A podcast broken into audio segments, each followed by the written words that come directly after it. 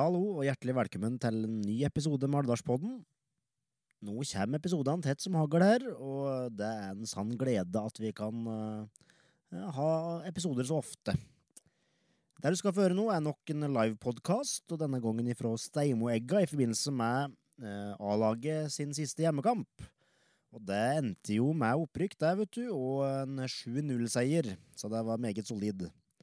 Så vi hadde eh, livepodkast etter kampen med gjester som Turi Ligård, Tor Granerud, Hans Einar Utgard og en Svein Per Thoresen. Så det ble en kjempekveld, og, eh, med en god opprykksfest etterpå. Eh, når vi begynte med denne episoden her, eh, så kom A-laget stormende inn, for de eh, hadde vært på en liten privat feiring, og så kom de inn i klubbhuset. Så det var litt uh, leven og ståk i starten, så uh, starten på episoden her ble litt brå, da, for vi måtte klippe bort litt ja, pauser og avbrudd. Så det du får høre her først, det er ja, om damelag, rett og slett. Så kos dere med episoden. Jeg vil faktisk si at dette er vår beste episode noensinne. Alvdalspodden. Kvinnefotballen ja, i distriktet ble organisert på 70-tallet. Og Alvdal vant det første kretsmesterskapet, som var i 1977. Og damelageret til Alvdal var i førstedivisjon fra 1981 til 1986. Så det var jo fem gode år, det. Og en av dem som var trener i den tida, i 1984, det var Tor Granrud. Og så var du trener senere i 96 og 97 i tredje divisjon. Og i 84 ble laget på sjetteplass med 20-36 i målforskjell og berga plassen med ett poeng. Åssen huser du denne tida der, Tor? Nei, jeg må innrømme at jeg huser ikke så veldig mye, så derfor uh, stoler jeg på at Turi har bedre hukommelse enn meg. Men uh, det var mye lange racer opp i Trøndelagen, husker jeg. Og så var det en uh, veldig fin gjeng å ha og trene. De var treningsvillige. Ja. Og det er jo viktig. De kom ikke på trening annet for å bli trent. Så de hadde utvikling hele veien. Kom dit for å bli bedre, rett og slett, ja, og gjøre det best mulig sportslig. Ja. Åssen var det for deg, da, Turi, å være en del av dette her? Nei, det var artig. Endelig så var det noen som tok oss på alvor. Vi hadde brøytevei sjøl og ble til under vingene til Arne Harald først, som hjalp oss opp og fram. Så vi tok vel første kretsmesterskap i 77. Det var kanskje jenter før vi gikk over til damefotball. Ja, Åssen var det hvordan var det med damefotballen på den tida kontra sånn som er i dag? da? For det har vel endra seg litt de siste åra òg? Fasilitetene er jo noe helt andre. De springer ikke med isbigger på snødekt bane nå. Pluss at vi, vi var genuint interessert i fotball. Det var det vi drev på med hele tida.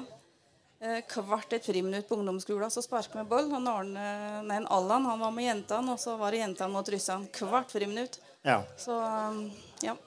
Hvem var det som var forbildene dine da, i fotball på den tida der? Jeg vet ikke om jeg hadde noe forbilde. Kanskje en Tom Lund i sin tid. Men eh, Ja. jeg vet ikke. Ja, men Tom Lund han er jo vinden att om dagen, han òg nå. Det er jo å si at Haaland han er fortsatt ikke helt like god som en Tom Lund. Det er det mange som sier. Men det, jeg vet ikke om det stemmer eller ikke. Men eh, jeg tenkte For du, eh, Turi, du har jo òg du har jo noen sønner og noen døtre som har spilt mye fotball. Som har vært veldig gode i fotball òg. Og en, eh, en gubbe som ikke var så verst, eller? Han sitter borti hjørnet der. Um, har vært Har, du- dere på en måte formidla det nå til ungene? Hvordan det er, for dere har jo vært gode begge to. De har vel ikke sluppet unna, for å si det sånn. Men samtidig så har vi aldri lagt noen premisser for det. De har styra seg sjøl. Og jeg tror nok at hvis vi hadde vært litt mer gæren, så hadde vi hatt to russer i hvert fall som hadde gjort det enda skarpere. Men eh, jeg vet ikke. Det er, det er en vilje som er nødt til å komme der sjøl, tror jeg. Og Så mm, Halvard fikk jo erfare dette. Han dro til Moss. Kom fra Tynset. Trente, trente bra, men vi trener lite oppi her i forhold til de gjør høyere opp i systemet. Kom til Moss, der var det å bygge muskler og Så det ble ei dyrekjøpt erfaring, egentlig. Det var en periode med mye kjøring til og fra trening, da, med andre ord, med alle ungene. Halvard sykle, og resten fikk skyss. Ja. Sånn er det vel helst. Men eh, det året dere var oppe, da, og du var trener, Tor, i 1984, så var dere jo tre lag fra Nord-Østerdalen oppe. Både Alvdal og Folldalen og Tolga. Og jeg leste meg frem til at det året der så var det var første året Alvdal ble, foran Tolga. For de hadde liksom eh, kommet foran Alvdal i sesongene før, da. Ja, jeg regner med at du har lest denne historien, så du kan av tabellen vær så godt som meg. Ja. Det som jeg syns er artig med dette der Det, var- det var jo tredelt førstedivisjon den gangen, og Nord-Østerdalen var jo tidlig framme med damefotball. Mm. Og en av de største prestasjonene jeg vet vi gjorde, det var å spille uavgjort mot eh, Trondheimsøren oppe i Trondheim. Og da var jo Karen Espelund på eh, Trondheimslaget den gangen. Så det var vel en av de største bragdene som vi gjorde. Og så var vi jo nede i Surnadalen og spilte mot Troll. Der hadde vi i som het Eli Lamsem, som spilte. Som har vært både på landslag og vært trener i ettertid. ja. Så vi for jo og trefte borti noen storheter. Men uh, vi bet jo godt ifra oss mot uh, de fleste. Og ja En sjetteplass i førstedivisjon, det syns vi vel egentlig var bra. Absolutt. Åssen var det med Jeg tenkte litt på treningsmengde og sånn. Hvor mye trentrykk? eh, Vi hadde tre treninger for uka. Ehm, pluss at vi sparker hver eneste dag sjøl i alle friminutt på skolen. Og møttes eh, på eftan og sparke. Så vi var, vi var vel i forbindelse med fotball uansett hvem vi var ener. Og så var det en del av oss som kasta håndball attåt, så det var ofte fem treninger i perioder i, i overgangsmånedene. Ja. Jeg tror den største forskjellen er fra dagens eh, jentefotball. At eh, det er ikke noen mange jenter som trener på egen hånd lenger. Men det gjorde den gjengen her. De drev med bøll hele tida. Og det Turi var jo fantastisk god både med skuddføttene sine og var teknisk god og var veldig rask. Så hun var jo den typiske målskåreren for oss. Og og vi pratet litt bortpå her, og hun hadde vært oppe i 38 mål på en sesong, så Mange kamper eh, var i en sesong da. Ja, applaus for det. Applaus for det. var det fire kamper.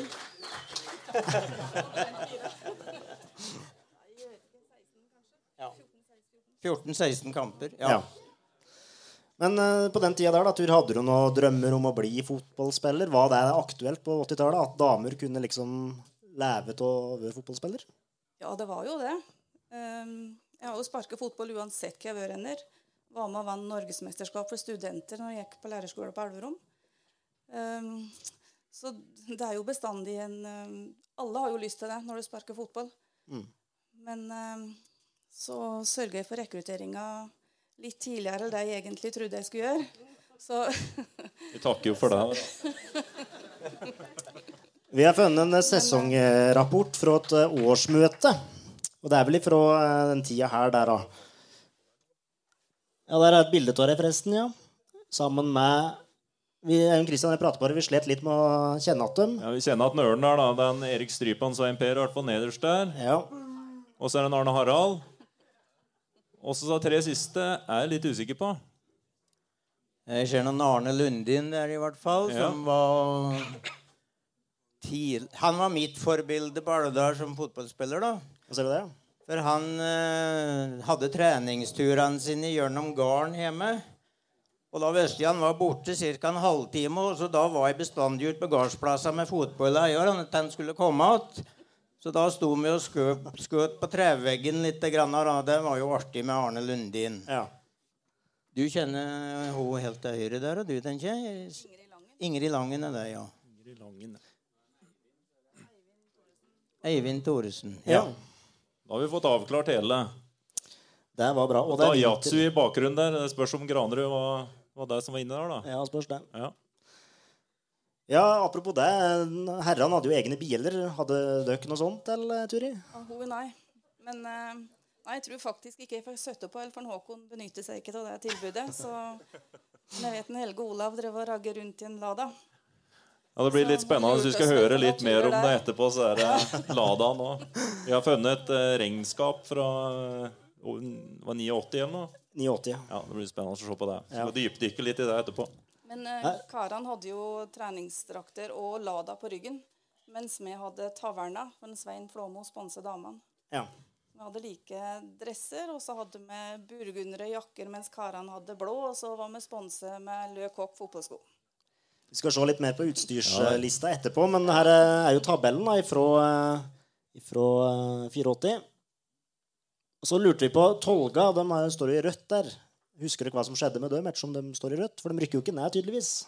Jeg tror fakt Var det 84? Ja.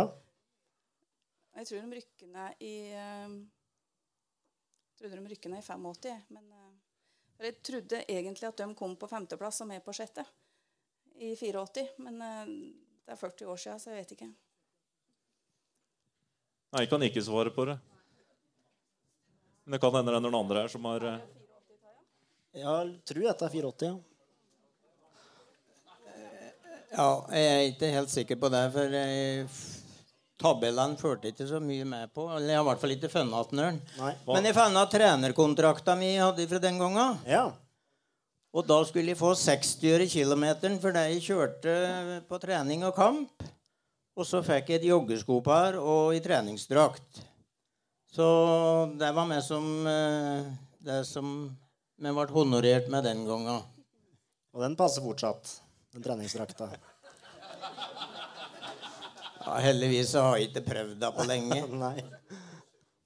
Men da trente dere eh, både på Steinberg og Grindegga, sikkert? Og I hvert fall Grindegga. Ja, det tror jeg. Jeg tror det var mye på Grindeggen på oss.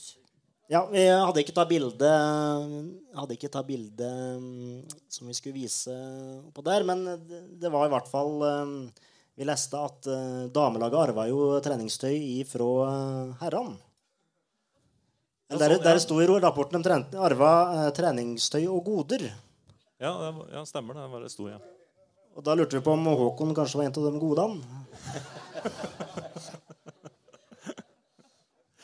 Møter dere hverandre på fotballbanen, eller var det, var det en annen plass? Du skal få slippe å svare. Vi kan gå videre. På fotballbanen på ungdomsskolen, kanskje. Ja. ja det er bra. Um, yes. Jeg vet ikke om vi skal gå videre til neste gjest. Kan jo spørre litt åssen gjengen var å trene. Ja. da, Om det var en eh, Var en eh, Hva skal jeg si? Treningsvillig gjeng. Ofaktelen gjeng, eller var det Nei, jeg kan ikke huske annet at de gjorde det i bare om, stort sett. Og jobber bra på treninger, gjorde de. Vet ikke åssen opplegget mitt var i tur i forhold til der du har vært borti på andre arenaer, men eh, jeg hadde nå min filosofi om dette der, sjølsagt, og kjørte vel på det. Jeg syns du var godt skolert. Jeg har snakka litt med noen andre damer i forveien nå. Og vi var utrolig godt fornøyd med deg. Og det som var fint, det var at du visste at du trente kvinnfolk. For det òg kan jo være problematisk i seg sjøl. Og jeg tror, jeg vet ikke om det var din idé, men når prestasjonene varierte veldig, så kom det fram eh, et forslag om at vi, hvis vi hadde mensen, så skulle vi stille med rød shorts. For da, for da visste en Thor kunne, kunne forholde seg til på den treninga. Da visste ikke de kunne forlange, Tora. Og så spurte han Halvor om det var noen eller artige historier. Jeg vet vi var til Namsos, og de lå foran oss på tabellen, eh, kanskje på tredje-fjerdeplass. Og så sier en Halvard Bjau, som kjørte oss mye, at hvis vi vant i dag, så skulle, han, skulle vi få kaketonn. Så når vi vant over, over Namsos da, Anne Grete, så måtte en Halvard være på byen på en søndag og finne ei kake på en kafé. Så det ble kake på sett på. Og så spilte vi mot Nessegutten. Og banen vi skulle bruke, den uh, gikk det ikke an å spille på, som jeg ble vist på en annen bane som for ikke så lenge siden var gjødsla med hønmøkk. Og de klærne vi hadde under drakta nå, dem tror jeg vi måtte kaste etterpå, for det var, det var så stram lukt. Og neste gang vi spilte mot Nessegutten, så de skrev i årsrapporten at vi ble sur når, når spillet gikk imot oss. Og i huset var jeg som kalte meg 'de jævlare høn'. Så først var det hønemøkk, og så var det høne. Så ja, Ble du beskyldt for å rete òg, da? det er mulig. Ja, men Da tror jeg vi sier takk til dere, Turi og Tor. Stor applaus.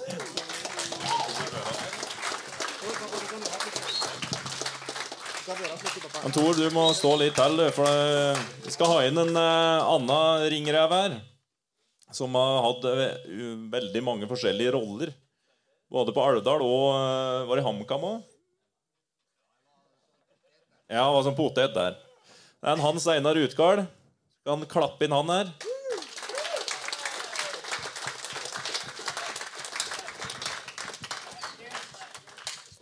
Og Her har vi jo da et fint bilde da, fra 86. Og du hadde litt mer skjegg da, Hans Einar. Du er nybarbert i kveld. Det er bra. Sitt nede til venstre der, hvis ingen uh, ikke har sett det. Ja. Du kan, kan jo si litt om åssen roller du har hatt i, i uh, fotballgruppa. da Nei, Jeg begynte som eh, oppmann. Jeg begynte jo i 79. Jeg kom til Elvdal til 79, og da ble jeg spurt om jeg var oppmann, og da begynte jeg som, opp, som oppmann. og til 83 da ble jeg vel utnevnt til sportslig leder, eller et eller annet sånt. Og frem til til og med 87, og så hadde jeg vel et par-tre hvileår, så var jeg formann fra 1990 til 93 år, vel. Sånn grovt regnet. Ja, vi har jo, vi har jo en del eh, bilder her fra, fra eh, den tida. Vi, Ja. vi har jo òg Vi så jo på et regnskap, eller var det budsjett eller regnskap? Regnskap, ja. Ja. Over åssen den ene sesongen hadde vært. Eh, og jeg må jo si det at skal vi prøve å finne det her. Kan se om vi finner Ja, det. for det var jo, dere var jo formann i eh, momentet der, tror jeg. Og der, eh, ja, der er det vel noe spiller over Der, ja. Der har vi noe. For det, hvis du ser litt videre her uh, Ja, står det ikke, står det ikke lønna vår der? Nei, lønna Dår står ikke her, da. Men jeg så trenerlønna. altså Trener herrer A-lag var på 286 000. Når Roland var trener, ja. Det var i, det var i 1988 eller 89. vel? Ja. Men da, apropos det, så hadde vi vel egentlig billige trenere. For vi begynte jo da, men da jeg var med, da, i Men Edvard, og han var jo mer eller mindre Han gjorde dette på hobbybasis. Det han forlangte da han kom til Alvdal, en, eh, forlangte han ønsket seg en TV og, eh, og en bil.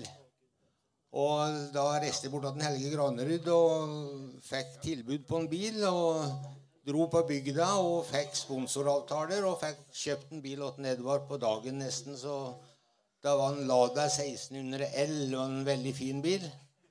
Og han var fornøyd og fikk en TV og en bil. og det var vel det, altså Pluss at han hadde vel litt godtgjørelse ellers. For dette var en Edvard Hugdal, som Det da er Hugdal, ja. far Som, til en, eh, Eivind på Ja. Sport 1, og en, eh, Jørn André. Som eh, har sparka fotball fra Tynset og Rosenborg og litt forskjellige klubber. ja. ja. Og så er det jo litt artig da, når vi er i et festlig lag. Hvis dere ser på den nest nederste linja der, så står det 'Fester 50 000'. ja. Og jeg tviler på at denne festen i kveld blir så kostbar. Vi får se. A-laget skal vel feire til de sene nattetimer. Så men, kan du eh, tenke at det er 50 000 i 89. Det er jo det er jo en liten sum, det. det Det er klart det var store, det var store fotballfester da, på høsten. Du, det er ikke regnskap, dette der. Det er et budsjett. Så Budsjett. er Budsjett er budsjettert med 50 000 i inntekter på fester det året. Ja. Og det var mye dugnad skriver Terni, for å få inn de kronene. Her har vi et uh, annet budsjett. Der var trenerhonoraret herrer litt uh, mer eh, nøkternt. Dette var i 90, der altså det var året etter de gikk på en kjempesmell med, Ja. ja. med herretrenerregning Da var det vel 000. Salvesen som kom inn igjen, tror jeg. Og billeie er jo et eh, punkt der. Ja, det er jo, Jeg vet ikke åssen eh, budsjettet er nå, men jeg vet ikke hvor mye bileier er inne nå i eh, budsjettet. Men det spørs det neste år nå, når han har blitt fjerdedivisjon. Det blir sparkesykler, da. Det blir vanvittig kreving og forhandlinger her nå. Nå Dette med billeie, vet du, det var for å frakte hjem at alle spillerne som var på Gjøvik og rundt omkring på, i nesten i hele landet Vi hadde jo Morten Bjørneby nede på Elverum, og det var mange som gikk på Gjøvik på skole. Så det var jo stort sett en form for kjøregodtgjørelse, dette der at vi fikk lease av de bilene til Helge Granerud den gangen. Ja. Ja. ja, for det var vel litt sånn på den tida òg som det er nå, at uh, spillerne var ute og studerte og var i militær og ofte var langt unna, da. Ja. Og var hjemme til helgene. Og det sier jo litt om prestasjonen som uh, da var i uh, på 80-tallet òg, med å spille såpass høyt opp i divisjonene. Med hva skal man si, leiesoldater som var hjemom og spilte og trente bare når det passa seg sånn. Og så tenkte jeg, kan jo spørre dere litt, Jeg glemte å spørre Turi i stad, men eh, jeg er litt interessert i å høre hva som er den beste spilleren dere har sett i Alvdalsdrakt. Som dere personlig syns. Det er jo ingen som kan ta dere på det, for det er jo dår egen mening. Ja, han sitter nå på hjørnet bortpå her, som var min favorittspiller. Det er det ikke noen tvil om. Det var noen Håkon Ligård. Og du Turi sin favorittspiller òg, ja. Det er bra. Da er det to stemmer til Håkon her. Mange mål var det vi fant ut at Håkon hadde skåret på eh, A-laget. 132, var det? Kan det stemme? Ja, om det ikke var skutt seg 171, men Nei, men jeg har det her, så jeg kan finne det veldig kjapt. Men Erik Sørli han, har, eh, han førte sånn adelskalender i lange tider. Han hadde funnet den på en sånn gammel eh, harddisk her. Og Da står det bl.a. antall A-kamper osv. Og, så og så er det Håkon Ligård har eh, 177 A-kamper og 121 mål. ja. Der fortjener en stor applaus. Så det er bare å fortsette noen år til for deg og Jørn, så kanskje du nærmer deg litt. Martin har nok ikke 121 ennå, men det nærmer seg. Fortsetter med snittet som du tok i dag, så er det veldig greit. Kenneth har vært borte i mange år, men uh, fortsett i ti år til, så skulle skåret litt mer i dag, da. Det blir Vi skal, skal se på noe som er litt artig, for dette var noe jeg fant i eh, arkivet til eh, farsan. Og det var kontrakt for amatørspillere. For de levde jo ikke over fotballspillere da heller. Så har vi noen eksempler her da, med overganger og åssen en sånn kontrakt kunne se ut. Er det da for Morten Bjørneby. Morten, Morten Bjørneby. Det er søskenbarnet til eh, Søskenbarn med Stig Inge Bjørneby, ja. Ja. Hva- Var det sånn at han kjørte til Alvdal flere ganger i uka for å trene, eller var det Ja, jeg tror han var opp minst én gang for uka og trente, i hvert fall. Kanskje to, to, ja. to sier Ja. Ivar her. Mm. Og vi har jo òg en, eh, en overgangsavtale her på en eh, Hva heter Per Gunnar Darløkken? Kan det stemme? Her, tenker jeg. ja. Der, ja. Der var Folldal nå med i forhandlingene. Egil Arne Tørhaug tror jeg var med i forhandlingene der. Det var 40 000 kroner. Og Der står det litt av kriteriene. Og hvis de òg skulle gå tilbake, så var det følgende beløp som lå Ja. inne. Stemmer nok Det er litt interessant å se på de eh, ulike her. Jeg vet ikke om det kommer noe mye sånt, eh, sånne forespørsler til Alvdal i dag, men Vi får se. vi får se. ja, vi får se. Så en ukjent kar her i stad med solbriller og dress som ikke Ja, ja. kjente at Ja, det blir spennende. Men det er jo litt artig å se at det var slike summer på, på det nest høgste nivået. da. Og da var det mye mindre penger eh, i omløp i norsk fotball, selvsagt. Men jeg tror, jeg tror Alvdal første år i annendivisjon at vi hadde et budsjett på 1,5 til 2 millioner. Og det var mye penger den gangen. Ja. Åssen var det dere fikk inn alle de pengene? Nei, med robbebanker og sko i.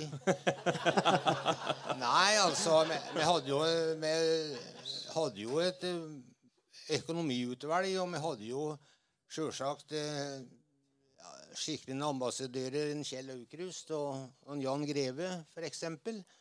Som eh, Kjell Aukrust dro jo inn veldig mye penger for, åt oss. ja. Og eh, Hva var det han bidro med for å få inn de pengene? Var Nei, blant annet tegninger og- han, han tegner jo dette andelsbrevet som vi solgte. da, og, Ja. Som vi gjorde mye penger på. Nei, så vi var jo heldige heldig der. Jan Greve han ordner jo med alt med bilder og mye, mye sånt. Og kontakter ellers i forbundet og, og sånne ting. Ja. Her har vi jo ei kontrakt til. eh, en som heter Tor Arne Granerud. Det er ikke noen slektning til oss, men han spilte jo på HamKam. Og var det sånn, pappa, at, han, at Alvdal ville leie han? Var det så? Ja, det husette noe av åssen dette der var, er det han, han, faktisk. var- han var aldri til Han var aldri til Alvdal, han der. Det var tilbud, dette da, kanskje? Tror Så det var, kanskje- ikke, det var ikke deg, så det var Arne bare Nei, som mellomnavn? da. nei, det var ikke jeg og bror min engang. Nei, men jeg har lyst til å nevne litt av dette der om økonomien i 85, da vi eh, skulle spille første året i annendivisjon. Vi hadde fire turer med fly til Nord-Norge. Ja. For vi hadde Tromsø og Mjølner og Harstad og Bodø-Glimt. Nei, ikke Bodø-Glimt. Gran Bodø. Gran Bodø var det, ja. ja. Var i serien vår da. Og som en, han senere nevnte, ja, så var jo budsjettet på 1,5 million Ja, cirka. rundt det. Eh, det har jo vært eh, et minutts stillhet for en som var veldig sentralt med på den eh, økonomisida. Jeg var jo leder i fotballen i 85 og hadde med meg en Kalle Skarpnes og Hans Solli, som begge har gått bort. Og så en Sigurd Thoresen. De hadde jo forbindelser rundt omkring gjennom en Kjell Aukrust. En Sigurd Thoresen og en Kjell Aukrust var jo veldig godt linke sammen. Og så to andre var jo òg dyktige på sine vis. Så takket være dem så fikk vi jo dette der budsjettet til å gå i hop. Eh, Kjell Aukrust tegner jo håndsignerte 4000 sånne andelsbrev, ja. 4000, ja. ja. Som vi skulle selge for 100 kroner stykket. Og jeg tror vi solgte i hvert fall over 3000 av dem. Det er jeg helt sikker på. Ja, det er et, ja, ja det var, jeg tror det var langt forbi 3500, eller ja, rundt der, ja. Du sendte meg noen nøkkeltall eller noen nøkkelår her, pappa, rett før vi skulle på. Og blant annet at um, grasbana på Steinmøkka den ble eh, etablert i 79. Så ble det ståtribune i 1984, og det var jo sikkert i forbindelse med andredivisjonsspill, vil jeg tro. At det kanskje var et krav fra forbundet. Det er jo viktig å påpeke når du sier andredivisjon, at det er jo ikke som i dag. Så Nei. Det var jo nest, Øverste Neste divisjon. øverste divisjon, så det var jo veldig, veldig høyt nivå. Ja, og så ble det sittetribune i 85, og Spikerbu i 88. Så kom klubbhuset, og kiosk, eh, kiosken ja, den kom, i, ja, kom allerede i 82. Så det har skjedd mye på Steinmegga både på den tida og siden da. Mm. Hva vil ikke, Hvis dere skal på en måte for, uh, fortelle litt til folk om hva, var kjennetegna altså fotballen på Alvdal på den tida? Hva var det som gjorde at det gikk så bra? Nei, det var jo Det er klart, men var jo et rent Alvdalslag som rykket opp i, i, i, i 85. I 84 så var vi Det var alvdøler pluss en eh, Glenn Bondegård fra Danmark som jobber som snekker i Stor-Alvdalen, så vidt jeg husker, på Koppang. Og så var det jo en Jan Viggo. Han er jo alvdøl, men han var jo en liten utlending når han kom. Ellers så, så var vi var med alvdøler og Nei, det var jo samme, et vanvittig samhold blant spillerne. Og hadde jo og Svein P kan jo erfare det med I garderobene, f.eks. I garderoben det fantes jo ikke mer livat innen en garderobe. eller var på på tror jeg. Vi skal prate litt om det etterpå. Det er en konkurranse blant annet, som jeg hørte om. Jeg tror du vant, men jeg kan ta det etterpå.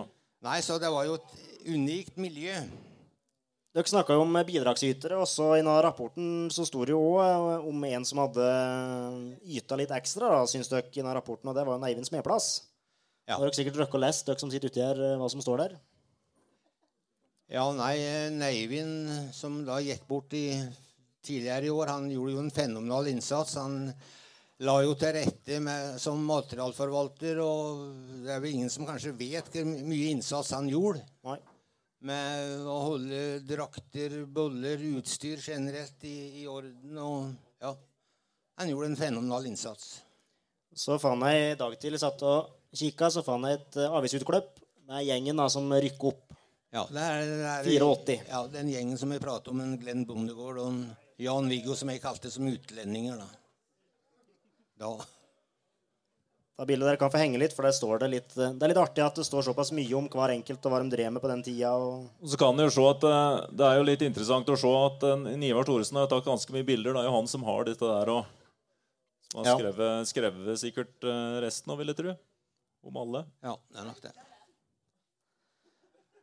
Så dette kan vi la eh, henge oppe der.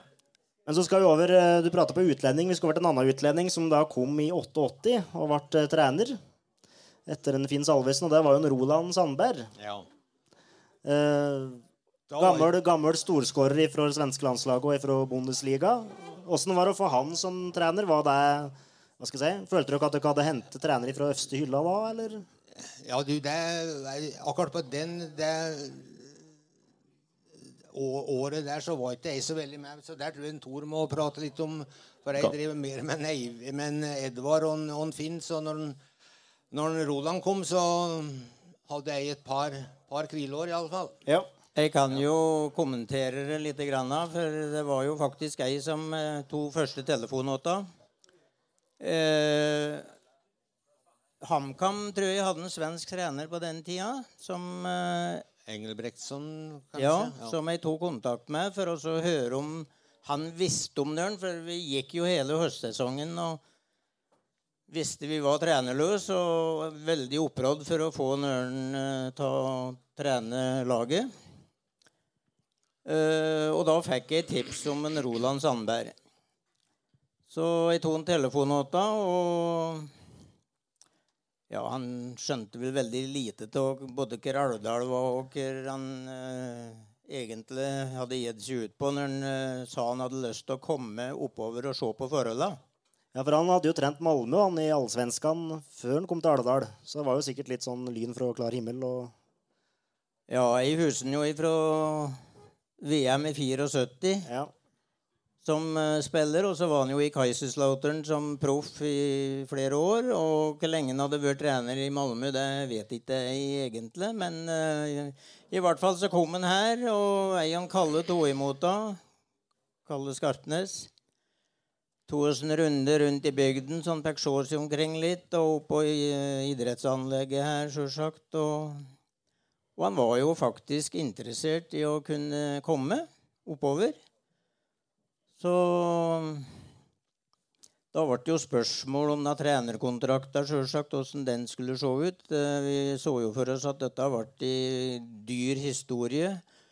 Og det ble det vel på en måte òg, kanskje, for oss.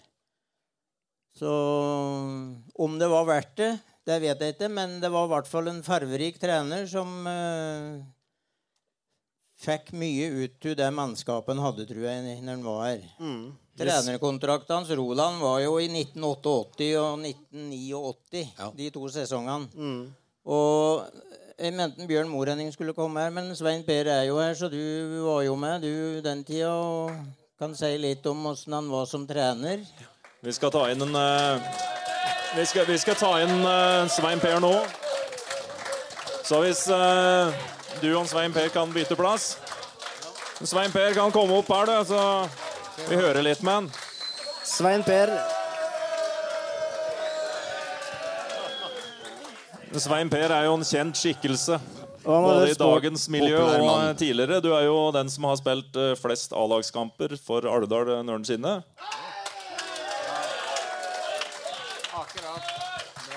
Men uh, en Viggo Samuelshaug har vel flere kamper, men det var mye B-kamper der, da.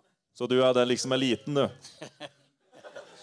Er stor forskjell på det. Ja, det er jo det. Men uh, det er bra, Svein Per, for at vi tenkte vi må jo ha, ha inn en spiller her som har opplevd så mye som deg. Ja, Ja, ja.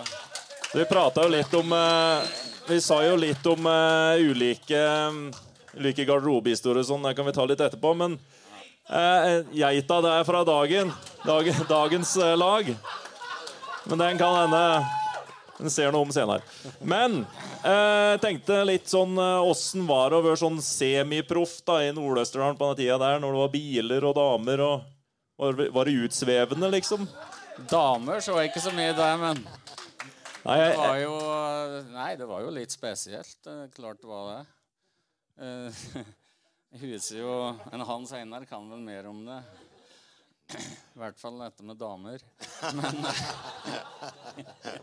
vi, det, det var jo lagt ned mye arbeid. Det er klart det var Når vi rykket opp i 84, så hadde vi rykket opp tre divisjoner på Fem år. fem år. Så det var jo i huset i 79 da Nedvar fikk sparken eh, på Tynset. Da dro jeg på møbelhuset dagen etterpå og spurte om han ville komme til Alvdal. Og det gjorde han. Uten å tenke seg om. Ja, det var ikke så lang eh, Han hadde, fikk ikke så lang betenkningstid, men Nei. han eh, takket ja, han, og kom. og uh, Historia sier vel resten. Mm. Ja. Det var jo eh, en vanvittig bra trener. Jeg har jo te mye fra han. Uh, Mm. Sjøl om fotballen utvikler seg mye, så er det aldri feil å være godt trent. Gammel eh, var du når du debuterte da, på A-laget? Eh, når jeg debuterte, på, da var jeg 16 år. 16, ja. Brøt opp foten første året. Han nagler når jeg Var dårlig trent, da? Nei, det var ikke Nei, var jeg faktisk ikke. Nei, Men, det... eh, det Edvard sa, det var jo Det letteste å gjøre noe med, det er jo å komme i form. Og hvis du Det har jeg hørt mye etter han sa. Hvis du ikke kan spille ut et lag, så kan du springe dem ut. Det har jeg hørt du har sagt tidligere. Ja, og det Det er sant, det. Sjøl om eh, alt blir mer moderne, så må en ha det fysiske i bunnen. Ja, jeg tenkte litt på det fysiske. Jeg begynte å, jeg tenkte litt på det i går når jeg skal ha noen spørsmål. Også, for dere har jo prata mye om disse harde draga oppover bakken opp mot der gamle veien gikk. og Ja. Var dere trente sånn på vinteren, f.eks.? Hvor mye var dere trente, Om åssen vinteren trente? trente vi, ja, vi trente vel fem ganger i uka. Og vi hadde sånne tolvminutters uh, kondisøkter en par ganger tror jeg, i uka. Vi sprang i tolv minutter rundt eh, banen. Og i huset Du snakker om en Jan Viggo. Jeg hadde hver gang så nådde jeg til han med to runder.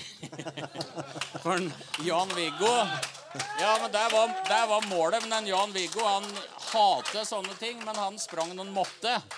Så han trengte jo ikke å være i bedre form. Ikke sant? Jeg vet jo, jeg har jo hatt deg som trener jeg jo på ja, Ja. G14 og Lillegutt og litt forskjellig. Og jeg husker jo i 2005 spesielt. Det var jo det året Start gjorde det så bra. Og da hadde du eh, vært inspirert av Tom Nordli og hadde innført noe som het sju minutter. Ja. Og den kjørte du Ja, vi trente om sommeren og hver uke, og du kjørte nå den omtrent hver økt. Og vi ble jo i veldig god form. Ja, ja det er hjelp òg. Det er ikke noe å lure på. det. Så eh, ja, ja Jeg så jo en Christian Kløvstad nå. Eller, første økta i januar så var de jo skremmende dårlig form. Og kjørte litt, og han lå jo bak tribunen og spydde. Christian. Husker du det? Han, han. Han ha, og det var flere som var i dårlig form altså da, men eh, men eh, de har imponert meg, for de har virkelig eh, tatt steg. Og du s- har sett i, i sommer at de eh, avgjør kamper mye på slutten. Og det er ikke tilfeldig. Nei, så er det jo, som en, han Hans Einar pratet på i stad, det, det er samholdet som var på den tida. Jeg ser jo, jeg var jo manner nå òg, men jeg ser det jo utafra fortsatt, så er det jo et veldig veldig godt samhold.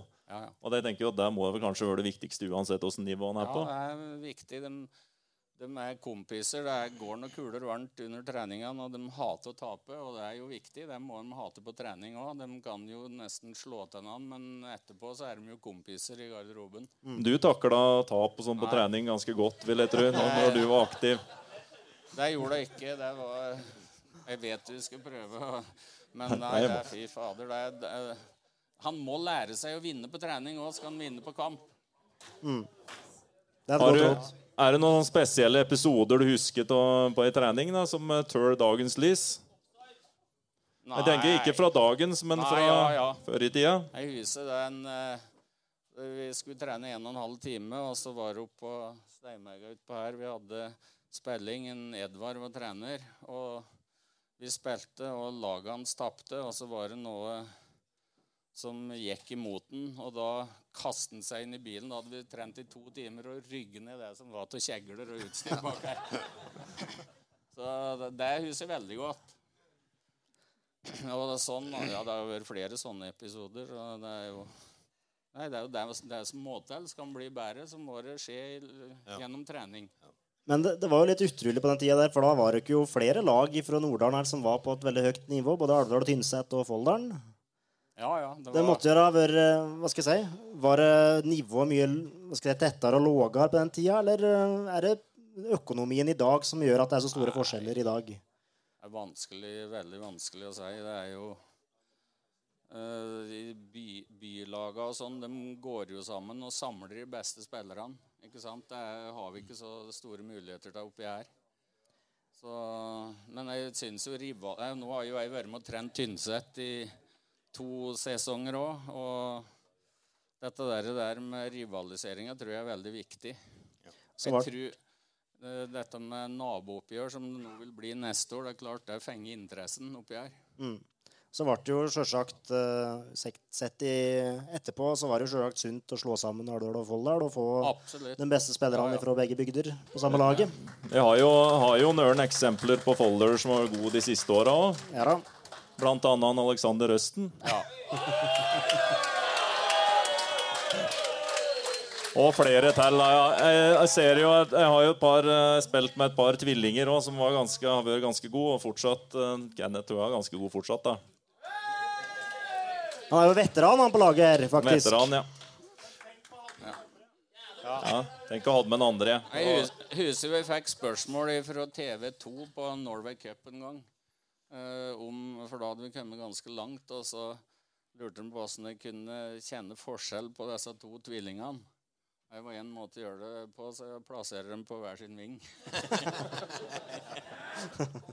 og det var dem er jo Kenneth særlig, han har jo en enorm svakhet. Han eh, har jo gjort at vi har gått glipp av 40 straffespark, i hvert fall. Han uh, detter aldri. Han da skulle ha filma sagt- mer. Da har jeg sagt at alle dommere hvis han detter, så er det bare å peke på straffe. Så, Nei. eh, Og så tenkte jeg litt på jeg så jo, Det var jo artig i dag med var kjempeliv igjen på tribunen og sånn. Så tenkte litt på åssen det var på den tida når dere eh, drev på. da Åssen var var- fotballfeberen her? Ja, det, Det var var, helt ja. vanvittig. Ja, Det var stort. Helt vanvittig. I Husen kamp eh, eh, Jeg tror det var når vi var i andredivisjon mot Harstad. Det var over 2000 tilskuere, og jeg hadde, en Kjell Aukrust var der. Så fikk jeg tilfeldigvis et slevspark fra 20 meter som gikk opp i krysset. Så vant vi 2-1 eller 3-2. Og da etterpå i garderoben var en hel dag kom han og kysset skoen min. Sto på kne og kysset skoen min. Det går det ikke an å glemme. Aldri vaske de skoene etterpå, da. Nei, det, de eh, henger oppå veggen. Ja. Så hadde vi en Rosenborg-kamp her, vet du. I cupkamp, ja. Og den, den episoden må jeg fortelle. Så vi hadde med parkeringsvakter nede med det som er Espeland nå. For vi hadde en sånn av, avkjøring der når det var en del trafikk. Så for å avlaste veien opp Steinvegga her. Og så hadde disse her parkeringsvaktene vet du, tullet seg til å vinke Rosenborg-bussen opp la veien der. Og der var det bare lere. Du var ikke som, som veien er nå. Det skal jeg fortelle Nils Arne Eggen kom her, var litt sent ute. vet du. Han var hoppende gæren og lurte på i alle dager om han ikke hadde bedre adkomst til arena. Ja, da var han sint. Det er jo Nøren som har sett han sint før òg. Ja da, Men det var jo bare så vidt de kom frem med bussen. og vet du, Han kjørte seg fast med i lera uti her. Så det var Og så må du fortelle han senere om en episode på treningsleir Nei, i Jugoslavia. Jo, jeg skal vel jeg skjø- Det, det sto på førstesida i Arbeidets Rett. Alldal var robbe for alt utstyr. Jeg skjønner, skjønner du vil ha fram den der. der. Nei, det var materialformalteren, og jeg lå jo på sommerrom og kom vel om kvelden og kastet fotballene oppå, oppå eh, et klesskap der.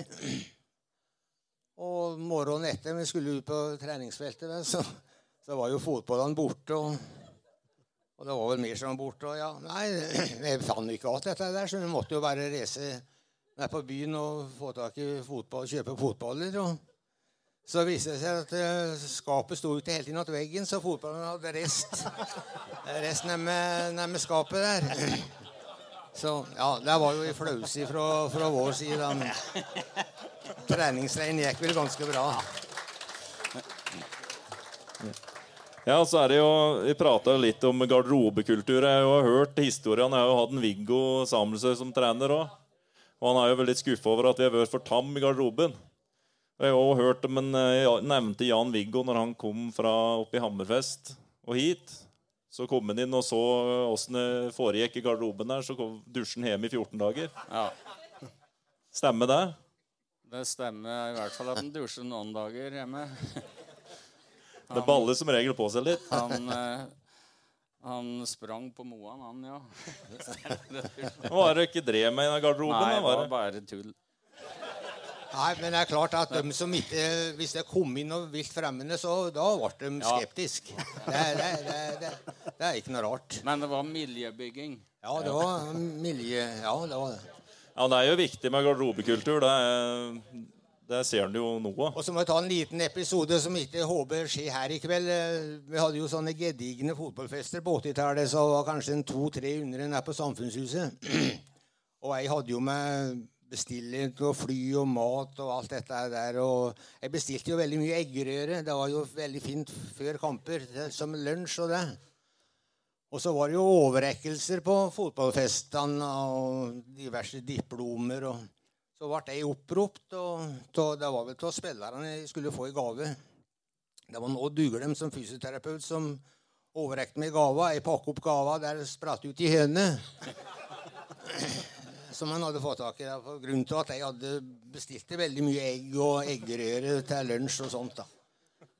Og den høna den ble jo borte, og alle forlot jo samfunnshuset.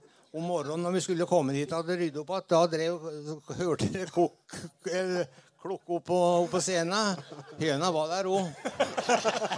Så vi måtte prøve å få henne i, i, i, i eska å frakte henne på Storstein. Det var der vi fikk henne. Så jeg håper ikke det skjer deg her i kveld. Nei, for får håpe Muruden sine kyllinger går i fred. Det er Også- kort vei, da. Også mens det er opprykksfest nå, så håper jeg det ikke går sånn som når vi rykket opp i 84. For eh, det var en helge og ei vi skulle på messe oppe på Storefjell.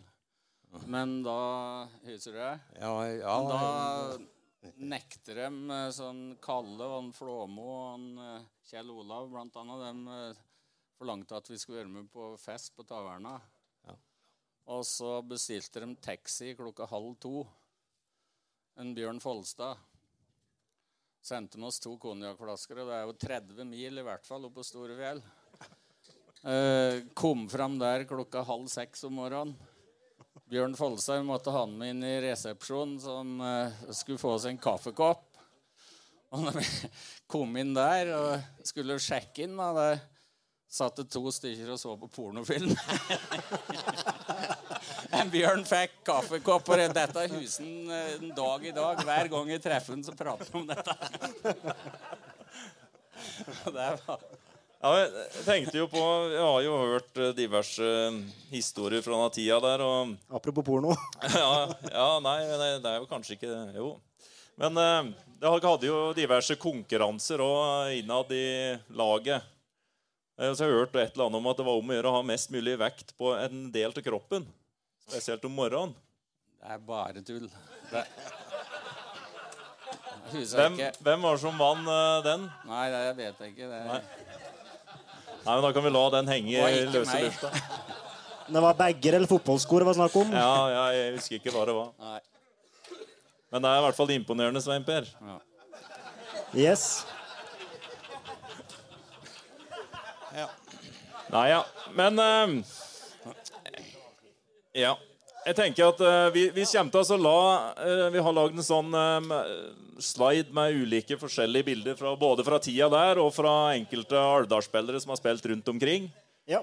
Eh, Så den kommer til å gå litt, og så kan dere eh, bare kose dere videre i kveld. Takke for at dere ville være gjester. Og så håper jeg at alle koser seg på opprykksfest, og at den varer lenge. Den skal vare lenge. Ja. Hjertelig takk. Takk for oss. Frigjøringsverket til Hamar med domkirkeruinene. Frem til, til, til Elverum med klesfengselet. Til Rena med kartongfabrikken. Til Koppang med togbytte og 20 minutters opphold i restaurant. Til fingerens danse på den ørvesle fluelorten som heter Alvdal. Som ikke har noen ting de vet om, kanskje. Men én ting vet de vi har. Alvdalspodden med Kristian Dalen og Halvor Løseth Graner.